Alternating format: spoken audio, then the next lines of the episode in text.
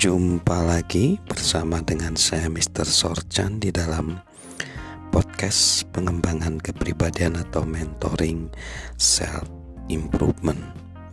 Yang ketiga, setiap orang membutuhkan orang lain. Dalam film Remember the Titans, kisah nyata tentang pelatih Herman Baun yang memimpin sebuah tim football baru yang terintegrasi secara rasial pada kemenangan. Pelatih Maun berdiri dan berbicara kepada Louis Lastik, seorang penyerang garis depan yang pemaaf. Saat ia bertanya, jika Louis sedang merencanakan untuk masuk perguruan tinggi, Louis berkata, "Oh, bukan saya pelatih. Saya bukan orang yang pandai. Beberapa lama kemudian dalam percakapan mereka, pelatih Bon merendahkan suaranya dan berkata, "Jika kamu tidak masuk ke perguruan tinggi, itu bukan karena kamu tidak memenuhi syarat.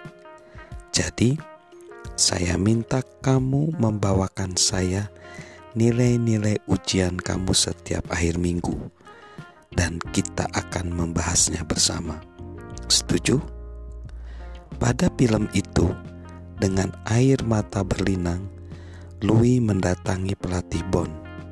Pelatih, saya mendapatkan nilai rata-rata C+. Saya akan ke, ke perguruan tinggi.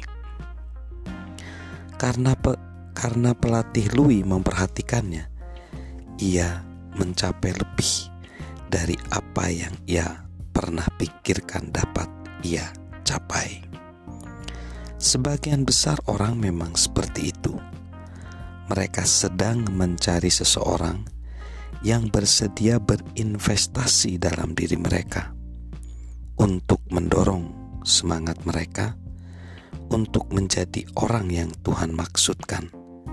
Mulailah memperhatikan orang-orang yang membutuhkan dorongan semangat dari kita dan tolonglah mereka. Lalu yang keempat, siapa pun yang menolong seseorang mempengaruhi banyak orang. Saat kita mulai berupaya untuk menolong orang lain, akan benar-benar luar biasa bagaimana dorongan semangat itu menjadi berlipat ganda. Pengaruh berpengaruh.